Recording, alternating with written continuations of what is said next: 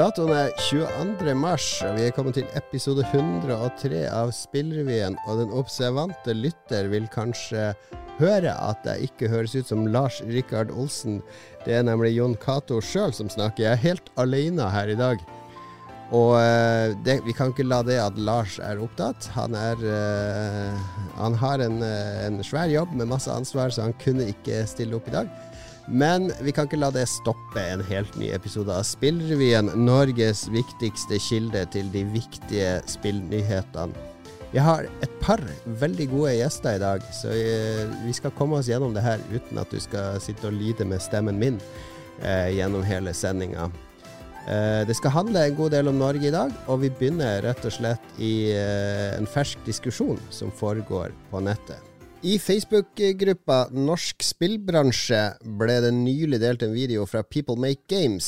Uh, People Make Games er en YouTube-kanal som bedriver undersøkende journalistikk om spillbransjen. Her kom det frem at tre renommerte internasjonale indie-studioer med profilerte spillskapere i ledelsen har vært belastende steder å jobbe for flere ansatte. Historier om trakassering, dårlig lederstil og psykisk belastende arbeidssituasjoner kommer frem i videoen. Dette har ført til en debatt i den norske Facebook-gruppa om hvordan situasjonen er blant norske indie-utviklere.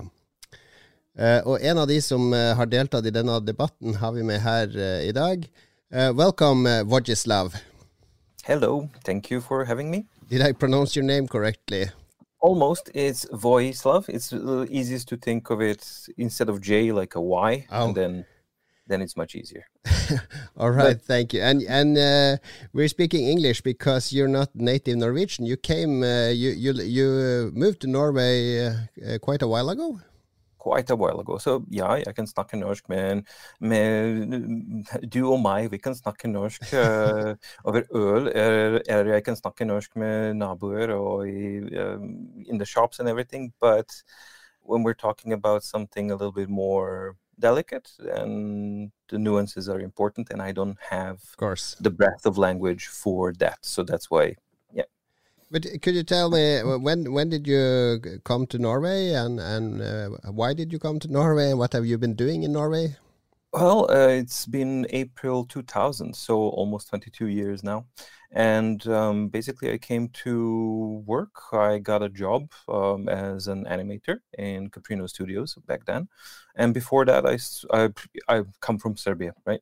So before that was 1999, which I don't know if some people remember or not. It's kind of current mm. to relevant to what's going on today. Absolutely. In the world, unfortunately. Then I got gig. It was two offers, one in Australia, one in Norway, and this one didn't have a time difference. I was only 19 at the time, so yeah, it made made more cho- made more sense. Great. So you've been working for 22 years as an animator for for different um, companies, and and for the mm. last few years, uh, you you you've uh, you've had your own uh, business doing consulting work. So yeah, it's video game development of my own projects, consultancy with other companies, some freelance work for select clients, also animation wise. I also teach animation in Kristiania and yeah, things like that. So various Ooh, things. Good. Just for transparency for the viewers, uh, when I ran Krillbite, we also uh, hired your services for for uh, animation consulting. So so then then everyone knows that we we've had a yeah. professional relationship before. And that was fun. I really enjoyed that one. You shared some uh, stories in the group um, that uh, were uh, quite hard to read. Some of them.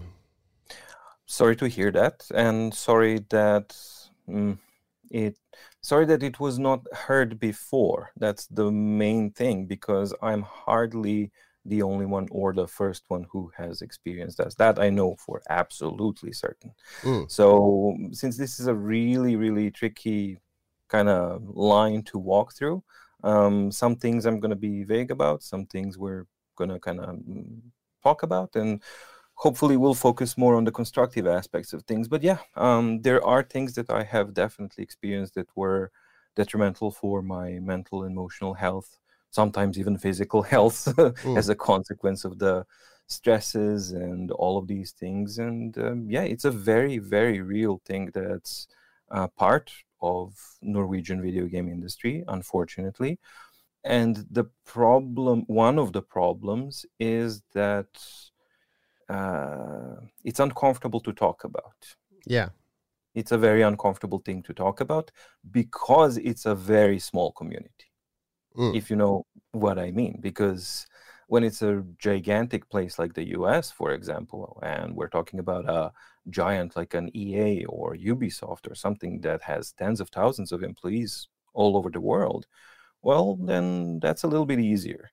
Mm. When we're talking about um, a community where we have several hundred, maybe several hundred developers now, and that's now exploded after a while. Back, you know, 15 years ago, you had dozens of developers. Speaking up is difficult, so Mm. you feel kind of alone. And you're when it's so small, you're bound to bump into those same people in different uh, social events or, or industry events. and absolutely and at the very at the very core of it your job and your monthly salary depends on it Mm. so if you're going to meet and pay your bills and your you know uh, rent and all that kind of stuff it depends on that. So there's that aspect as well. Mm. and also there's a thing um, um, it was a good introduction. I'm an outsider. I came from outside. I came into this. And mm, it's a natural behavior to observe how do others behave. Right. so if others, if others around the team who were here before me and they are accepting all Mhm. this type of behavior, then logically, uh, this is how it's done. So therefore, I have to accept it as well. So Yeah. that's one one part of it. in, some of the stories you've shared uh, for people you worked with earlier, you've talked about being forced to come to work despite you being ill. Uh, environments created by management that are, are very fear based or where you're constantly nervous or or is is are, are these um, these are stories from the the past I, I understand and and a lot of those companies don't exist anymore or those people Yeah. don't work in the same positions anymore. Do you see anything currently when you do contract work or do you observe stuff uh, that uh, that's similar to the things you've experienced in the past still Thankfully, no. There are um, like echoes of it. Mhm. So I will see in strong male figures who have been in positions for a long time. But thankfully, because of you know, social media has done a lot of bad things, but a lot of good things as well. Some good. Let's let's be real. Some good things, not a lot, but some good things.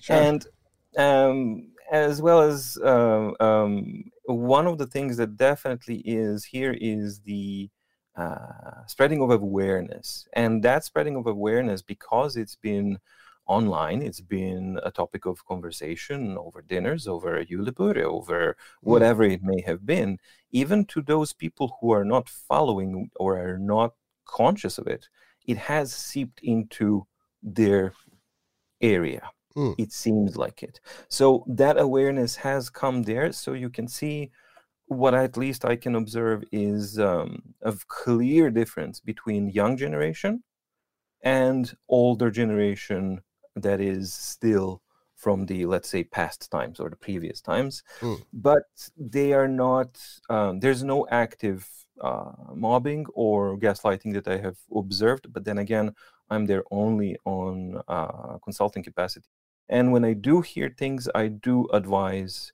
if somebody does complain to me hey this has been then i do advise them what to do and mainly it is stand up for yourself and say no.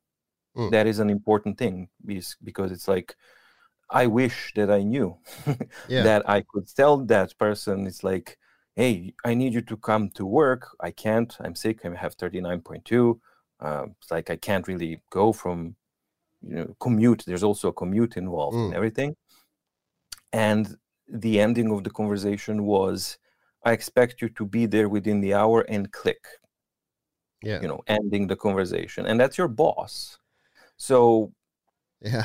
i didn't have that amount of self-confidence and i didn't have conversations with coworkers to know that i can say no Mm. because today like it would be a laughable thing Mm. because i have that experience but back then i wasn't laughing so What do you think creates these sort of uh, managers or executives? Uh, is it stress or is it just inexperience? You know, uh, we have a very young indie mm. scene, uh, people coming straight out of college or, or uh, game studies and starting their own companies, and suddenly you're the manager for, let's say, five or six people, and you're you're I mean, one thing is you're learning Blender or you're learning Unity, mm. and you can make mistakes as you go along, and you learn and you get better. But when you manage people, uh, you sort of those mistakes can scar those people. Yeah, uh, I I actually list made a list here because I think it's an important differentiation of things. Mm-hmm. So there's like several factors that are different. Sometimes they're individual, sometimes they mix. But we got definitely we have inexperience. That's one of the things which also goes into insecurity. Then you have lo- lack of competency, which also again digs mm. into that uh, insecurity. Then you also have a very important one, desperation, which I'll mention. I'll tie back to that one as well. Mm-hmm. Again, goes into lack of security. And one thing that we do not talk about in Norwegian game industry is that, unfortunately, majority of video game studios that start up in Norway are non-profitable business models. Mm-hmm the business model when they start up is it's a great thing it's an excellent thing that norway has so many government grants and so many financial ways to support projects support ideas that's fantastic but what's not good is that that's the primary strategy that a new studio or an existing studio relies upon mm. and if you do that there's so many uncertainties in video game industry that sooner rather than later you are going to end up at that point of desperation and I've seen it across the board. That's something that everyone can basically link towards. What what should, ex- for example, be instead is be a business model that has some services, has a product or something to generate some kind of profit, and then the government grants and everything is supplemental that actually helps, mm. so that you're not completely tied by hands with that. But but back to this whole thing um, one thing that we don't talk about is the pressure from the external publishers because mm. you can create a game right as a development studio. And let's say that you're a boss and everything is fine and we're all happy we signed a deal. I've seen this happen so many times.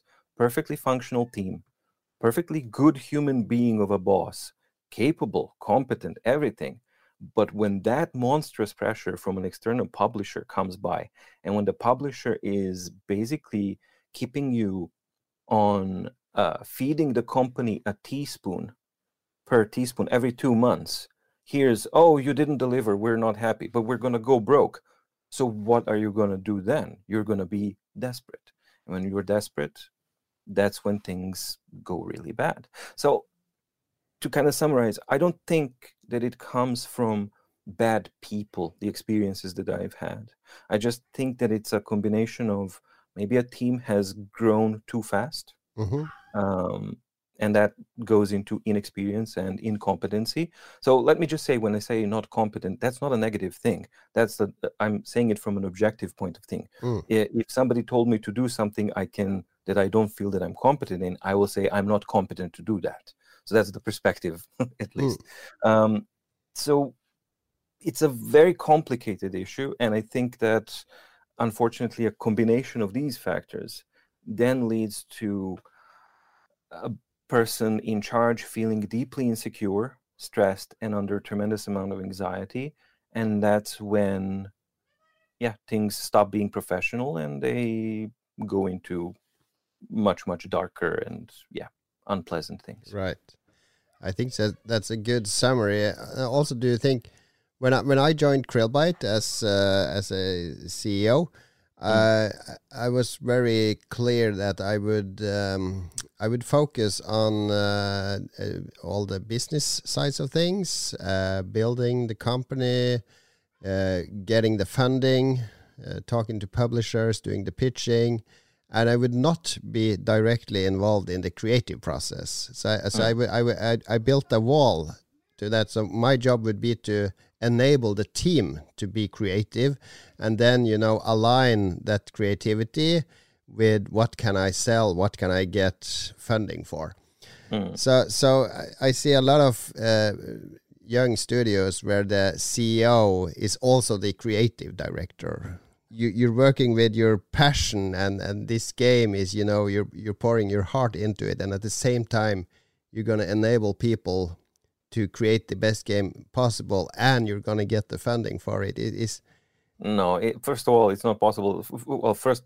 first first of all that's uh, uh, an rare exemption where what what you did with Krillbite to uh, actually know where the limitations are and that is a way to establish healthy working environment because then you know who to ask what and that i think is a really good mm. thing to not wear too many hats just wear one hat and be really good at that or two hats and be really good at that mm. but mixing real world and creativity that's that that doesn't work that just simply does i've never seen it work mm. really never seen it work to to have a ceo who's going to have creative decisions that's not something that works but i have to go back again to the publishers as well because unfortunately we do also have that pressure where maybe the team is creating their own you know dream mm. and they've created a thing which is really great and then comes a publisher and says like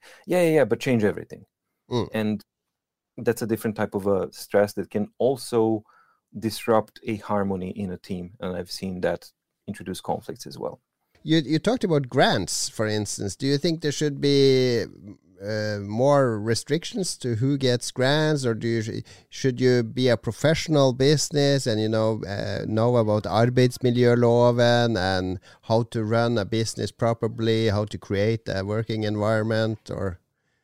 I don't know. I, I wouldn't say so because we've had some tremendously awesome creative original projects come out because these grants enable um, a wider spectrum of being for example Clunk. i mm. love that game that that and that's just one of the examples there's so many of them so i think no that would be detrimental because it would be locking it to uh, just one way and it's kind of killing the creativity right. in a way but um, I think this is one of the most important things, acknowledging, first of mm. all, because as you've opened up, it's like there's a tendency to not talk about these things and just to say, oh, yeah, it's okay. And it's like, yeah, it's okay that my boss says daily, um, I've never been sick in my life. That's passive aggressive. Mm. So, for example, that's a, that is an example of passive aggressive, especially if the boss is currently having 38 degrees and coughing and making you sick, and then you get you caught their disease, and then you are expected to show up because the boss is always showing up, right? So that's just a very mundane example of things, but acknowledging that there are issues and there are things that you should be accepting of and things that you should not be accepting of. That's one point and i think the most important aspect is we can definitely talk i mean there's some useful stuff that's been mentioned in the facebook group which was unions organizations how can they help which i think is an excellent and a really really important thing. For example spreading um, more easily accessible information for workers for students who can't understand when you go online and you read through the law. You can't understand that. It's not meant for them right mm. it's lawyer speak yeah. So you need somebody to make these rules and behaviors and all Arbeidsmiljø uh, rules and regulations closer to who the workers are in this industry and also to make it closer to the employers themselves whether they are young or older depending on what they are so that's an organization that would need to have an active interest on well not on an individual basis but at least on age category. But I hmm. think the most important thing is basically comes from our own individual responsibilities because these things will take time. But what you and I and we can do immediately is to, in your own environment, if you see something that's happening to you or to someone else, to simply speak up and say no. You don't have to be rude. You don't have to be forceful. None of those things. That's counterproductive. But just simple assertive behavior and acknowledging that's I'm not appreciative of what you are doing here. That's Mm. all it takes. And when people actually start doing that, because on one end, somebody who is used to do maybe bullying behavior, maybe they don't, they're not aware of that. Maybe that's just what they've been doing and it's been allowed, and that's just how they're used to. That's their default, you Mm. know, a reaction, and they don't know better. And if somebody says, "Hey, that's not okay," then they'll go like, "Oh my god, sorry, I didn't know that." If they're an okay human being, but even if not, they've been stopped. Mm. And more importantly, for the person that's being influenced by this kind of thing, I can't even put in words how much that means when it does happen. Thank you so much for uh, for sharing, uh, uh, Vojislav. I'm sorry Thank for, you. for for No, no, butchering your name. Vi skal holde oss i Facebook-gruppa Norsk spillbransje litt til. Eh, en, en eh, kvinne fra utlandet som har jobba med et norsk studio, la nylig ut et innlegg i gruppa der hun deler sin opplevelse av å jobbe med det norske studioet. Hun hadde ikke en, en god opplevelse med studio, og historien har forårsaka en debatt om varsling og hvordan kvinner og minoriteter kan snakke om sånne episoder i offentligheten. Og i denne diskusjonen eller debatten, der har du, Julie Pedersen Martinussen, vært en aktiv debattant. Ja. Du har. det. Hvem er du, Julie, for de som ikke kjenner det? Jeg vil, jeg vil omtale meg sjøl som ikke-praktiserende spillutvikler for øyeblikket. Jeg har tidligere studert eh, spilldesign, jobba litt for et par uh, studier i Norge, og jobba med eh, spillutvikling på folkehøyskole her i Norge. Akkurat nå så studerer jeg videre, med fokus på kunstfag. Mm. Eh, sikta jo etter å, å komme tilbake til bransjen etter hvert da er det også viktig for meg som kvinne at jeg vet at dette er en bransje som ønsker å ta ansvar, og som ønsker å skape eh, et miljø hvor det er rom for å snakke om ting, men at man også tar de forhåndsreglene man trenger å ta for å unngå at eh, enten problemer knytta til enkeltpersoner eller enkelte studier skal måtte skje gjennom en slags offentlig oppvask. For å unngå at noen som føler seg feilbehandla eller diskriminert i bransjen, skal ha det som en siste utvei for å føle at man blir hørt. Dette er også noe Arbeidstilsynet omtaler som noe en Eller stiller krav til at norske selskap skal ha. Eh, altså rutiner for varsling, Mm. og eh, gjennomføre risikovurderinger for å forhindre, og hvilke tiltak er relevant for min arbeidsplass, eh, for å forhindre diskriminering eller trakassering på arbeidsplassen. Mm. Og jeg tror at, eh, under min oppfatning og etter mine erfaringer i bransjen, og de tingene jeg har sett og hørt om via mine venner i bransjen, at når de har opplevd situasjoner som er kriti- kritikkverdige på sin arbeidsplass, Mm. har de kanskje ikke vært klar over hvilke rettigheter de har som arbeidstaker, og ikke følt seg ivaretatt eller hørt når de har prøvd å kommunisere at dette føles ikke rett, dette føles ikke bra. Og eh, jeg tror den norske bransjen generelt, siden den er ganske ung og ny, ikke helt har prioritert sånne ting pga. mangel på ressurser og mangel på tid, og fordi man ofte er små gjenger som kjenner hverandre ganske godt, og dermed fortere stoler på hverandre og kanskje antar at ja, men det her klarer vi å løse sjøl, uten å måtte ha verneombud eller blande inn Arbeidstilsynet dersom det skulle bli kritisk og umulig å løse det på egen hånd. Ja.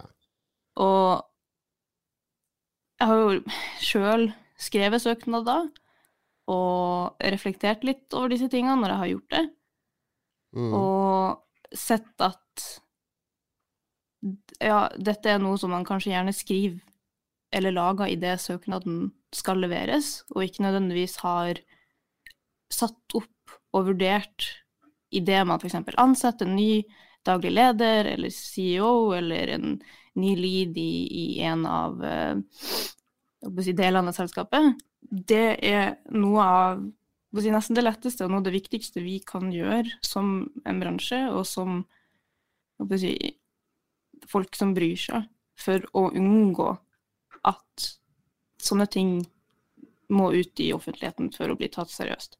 Mm. Jeg kan jo si, når jeg var leder i Krillbite òg, så kom det jo dette kravet om at vi måtte ha varslingsrutiner når vi søkte om NFI.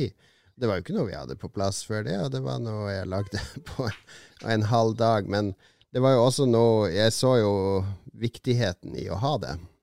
Og det, mm. og det, er kanskje vanskelig å se viktigheten i det når man er eh, fem kompiser som har et selskap, men med en gang du skal ansette noen, så klart er det jo viktig, hvis, hvis, du eller jeg skal komme inn i et selskap, det er viktig at jeg vet at det er på plass.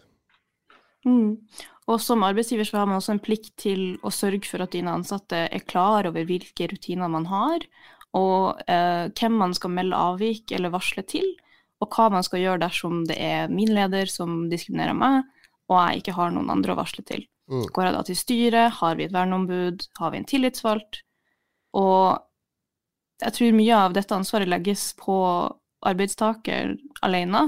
At man er liksom ja, men du må være klar over dine rettigheter, og du må vite hva du skal gjøre dersom du blir utsatt for noe kritikkverdig. Mm. Men egentlig så er det da eh, arbeidstakeren som skal legge til rette for at dette er kommunisert og tilgjengelig for alle ansatte, sånn at de vet at de kan si ifra mm. og blir ivaretatt og møtt og hørt når noe skjer. Og dette forhindrer jo også at det eskalerer og mm. potensielt blir enda verre enn det trengte å være.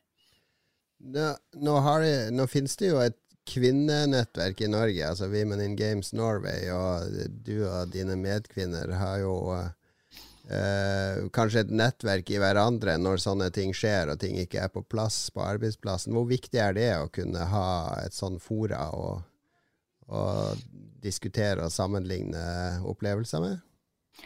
Jeg tror det er veldig viktig, særlig for, uh, si, for oss i Norge, hvor kvinnene i bransjen kanskje er litt spredt. Ikke nødvendigvis jobber så tett på hverandre, eller i samme by eller i samme selskap. Fordi man ikke har noen på arbeidsplassen man kan dele erfaringene sine med, eller stille spørsmål. Er han alltid sånn? Kommer han alltid med de kommentarene? Har det blitt tatt opp før? Uh, hvis det er f.eks. en mannlig ansatt som har en tendens til å kommentere på utseendet ditt eller klærne dine eller måten du snakker på. Um, og få liksom enten bekrefta eller avkrefta at det her er faktisk et problem, eller han er bare litt teit. Det er helt mulig å si fra til han uten at det blir en stor deal, liksom. Mm. Um, og jeg tror etter dagens diskusjon har jeg fått en litt sånn oppfattelse av at eh, noen tror at det finnes et slags hemmelig forum eller en gruppechat eller en lukka Facebook-gruppe eller Discord eller i all verden, hvor man sitter og liksom diskuterer disse mannfolkene som har gjort noe gærent, eller som er litt problematisk. Og det er ikke nødvendigvis sant, i hvert fall ikke for Norge. Nei. Slik jeg ser det, så er det mer erfaringsutveksling og spørsmål og um, ja, eh, søken etter et fellesskap. Mm. Enten muntlig eller i mindre grupper. Ja. Og jeg tror ingen er interessert i å henge ut flere eller enkeltpersoner. Og så det er en påstand fra min side, men jeg er ganske sikker på det. For det skaper i hvert fall ikke noe bedre arbeidskultur. For jeg er også imot si, eh, konsekvensen av um, cancel culture, f.eks., som ofte ble diskutert under den perioden hvor metoo-bevegelsen mm. var på sitt største. Mm. Og noe som er viktig, og som jeg verdsetter, er at alle parter i en konflikt skal ivaretas. Mm. Alle skal få lov til å fortelle sin side av historien, og man skal få lov til å bli hørt, og man skal bli ivaretatt på jobb. Eh, uten at flere som ikke har noe med konflikten å gjøre, skal involveres, eller at alle sammen får vite om den kjipe tingen som skjedde. Mm. For det som ofte er resultatet av f.eks. offentlig uthenging av eh, noen som er anklaga for å gjøre noe galt eller noe dumt, er at de mister sin økonomiske sikkerhet og sin sosiale sikkerhet, og dermed står f.eks. uten jobb, uten penger, kan risikere å miste huset sitt, mm. leiligheta si, og dette er absolutt ikke en nødvendigvis god måte å løse et problem på. Er det viktigste å finne ut om det er sant, eller er det viktigste bare å lytte og la den personen snakke og, og anerkjenne eh, at dette var din opplevelse? Jeg tror det er veldig viktig å anerkjenne eh, den opplevelsen vedkommende har hatt, mm. når de melder ifra om en situasjon. Eh, men det er også viktig å fortsatt være kritisk. Mm. Ta dine egne tanker og erfaringer i betraktning. Og det gjør også jeg når jeg ser sånne ting skje. Og akkurat når det kommer til her i Norge, eksempel, så Mm. har jeg ikke vanskelig for å innbille meg at uh, det skjer ting her som er kritikkverdig. Mm. Og selv om de kanskje ikke er like eh, hva skal jeg si alvorlig som mange av de anklagelsene som har kommet fram mot f.eks. Uh, Blizzard og Riot Games Mm. de siste årene, så er det fortsatt noe vi må ta tak i og ta seriøst, og undersøke om er en reell utfordring på vår arbeidsplass. Mm. Å lytte til noen betyr ikke at du skal behandle alt de sier som på å si, den eneste sannheten, og ikke skal stille krav til bevis eller dill og dall, men det er ikke din jobb som enkeltperson. Mm. Og jeg tror det er viktig at vi etterlater si, undersøkinga og etterforskninga til de som faktisk er involvert i den rettslige prosessen. Mm. Og hvis det har vært en rettslig prosess, og den ikke har ført til noen ting, og eh, den fornærmede fortsatt føler på disse tingene og føler seg urettferdig behandla, så må vi også vurdere om er mine innspill, eh, mine kommentarer, mine spørsmål, min kritikk, egentlig verdt noe? Mm. Er det nødvendig at jeg sier meg uenig, eller at jeg sier meg enig? Eh, og hva kan jeg gjøre for å bruke dette for å gjøre det bedre? Hva kan jeg gjøre for å se og forstå og anerkjenne denne personen sine erfaringer, samtidig som jeg setter i kontekst med min egen bransje eller mitt eget spillselskap eller mine venner sine erfaringer. Og det gjelder alle former for diskriminering. Mangfoldet har fortsatt også en vei å gå. Mm. Og det betyr ikke at vi skal f.eks. aktivt bare ansette folk på bakgrunn av kjønnsidentiteten deres, seksuell legning, eh, kulturell eller etnisk bakgrunn eller rase, men på bakgrunn av deres erfaring, men også etterstrebe og kommunisere at vi har lyst på mer mangfold, og vi gjør det vi kan for å gjøre vår arbeidsplass tilgjengelig og trygg for de med minoritetsbakgrunn, eller de som faller under andre minoriteter i Norge. Bra. Så eh, en som eh, meg, hvit mann, blir 50 år. Hva kan jeg gjøre for å gjøre ting bedre? Still krav til de du kjenner, som du vet har en tendens til å kanskje si upassende ting. Vis at du faktisk ønsker en endring, og at du bryr deg, og still krav til de rundt deg som også har makt. Kritiser kompisen din eller den gamle kollegaen din uten å bli uvenner med dem. Det er gode råd, eh, Julie. Og hvis det er noen sånne eh, gamergaters som hører på, som er opptatt av, opptatt av ethics in games journalism, så må vi vel si at du har jobba for meg i noen Ja. måneder i Krillbite. Så har vi det unna vei, at vi har en tidligere working relationship. Tusen takk, Julie, eh, for at du stilte opp. Sjøl takk for at jeg fikk dele mine tanker. Det var det vi rakk i Spillrevyen denne uka. Og hvis du syns det ble litt sånn tørt og veldig fokusert på Norge og, og litt uh, mye tunge saker, så er Lars tilbake neste uke. Da blir det helt sikkert prat om Skyrim Grandma, som har fått hjerneslag, og uh, World Wrestling Entertainment 2K 2020, og at Sony nå eier Jade Raymond sitt nye spillstudio. Litt mer lettbeint, kanskje, men vi må også ta oss tid til de tunge mer alvorlige sakene i Spillrevyen. Vi samarbeider med Pressfire. Les eh, Pressfire og støtt de gjerne på Patrion. og så har vi en annen podkast som er eh, hakket mer lettbeint enn Spillrevyen, som heter Lolbua. Og i det Lolbua-konglomeratet så har vi altså Ragequit og Lico og Gjeddas univers. Så hør gjerne på det hvis du har tid til å slå i hjel avslutter alltid med et råd, og mitt råd er rett og slett eh, bli bedre med hverandre, enten du er leder eller ansatt. Eh, vær flink til å gi hverandre tilbakemeldinger, og bygg hverandre opp. Vi skal alle leve og jobbe og eksistere sammen. Takk for nå.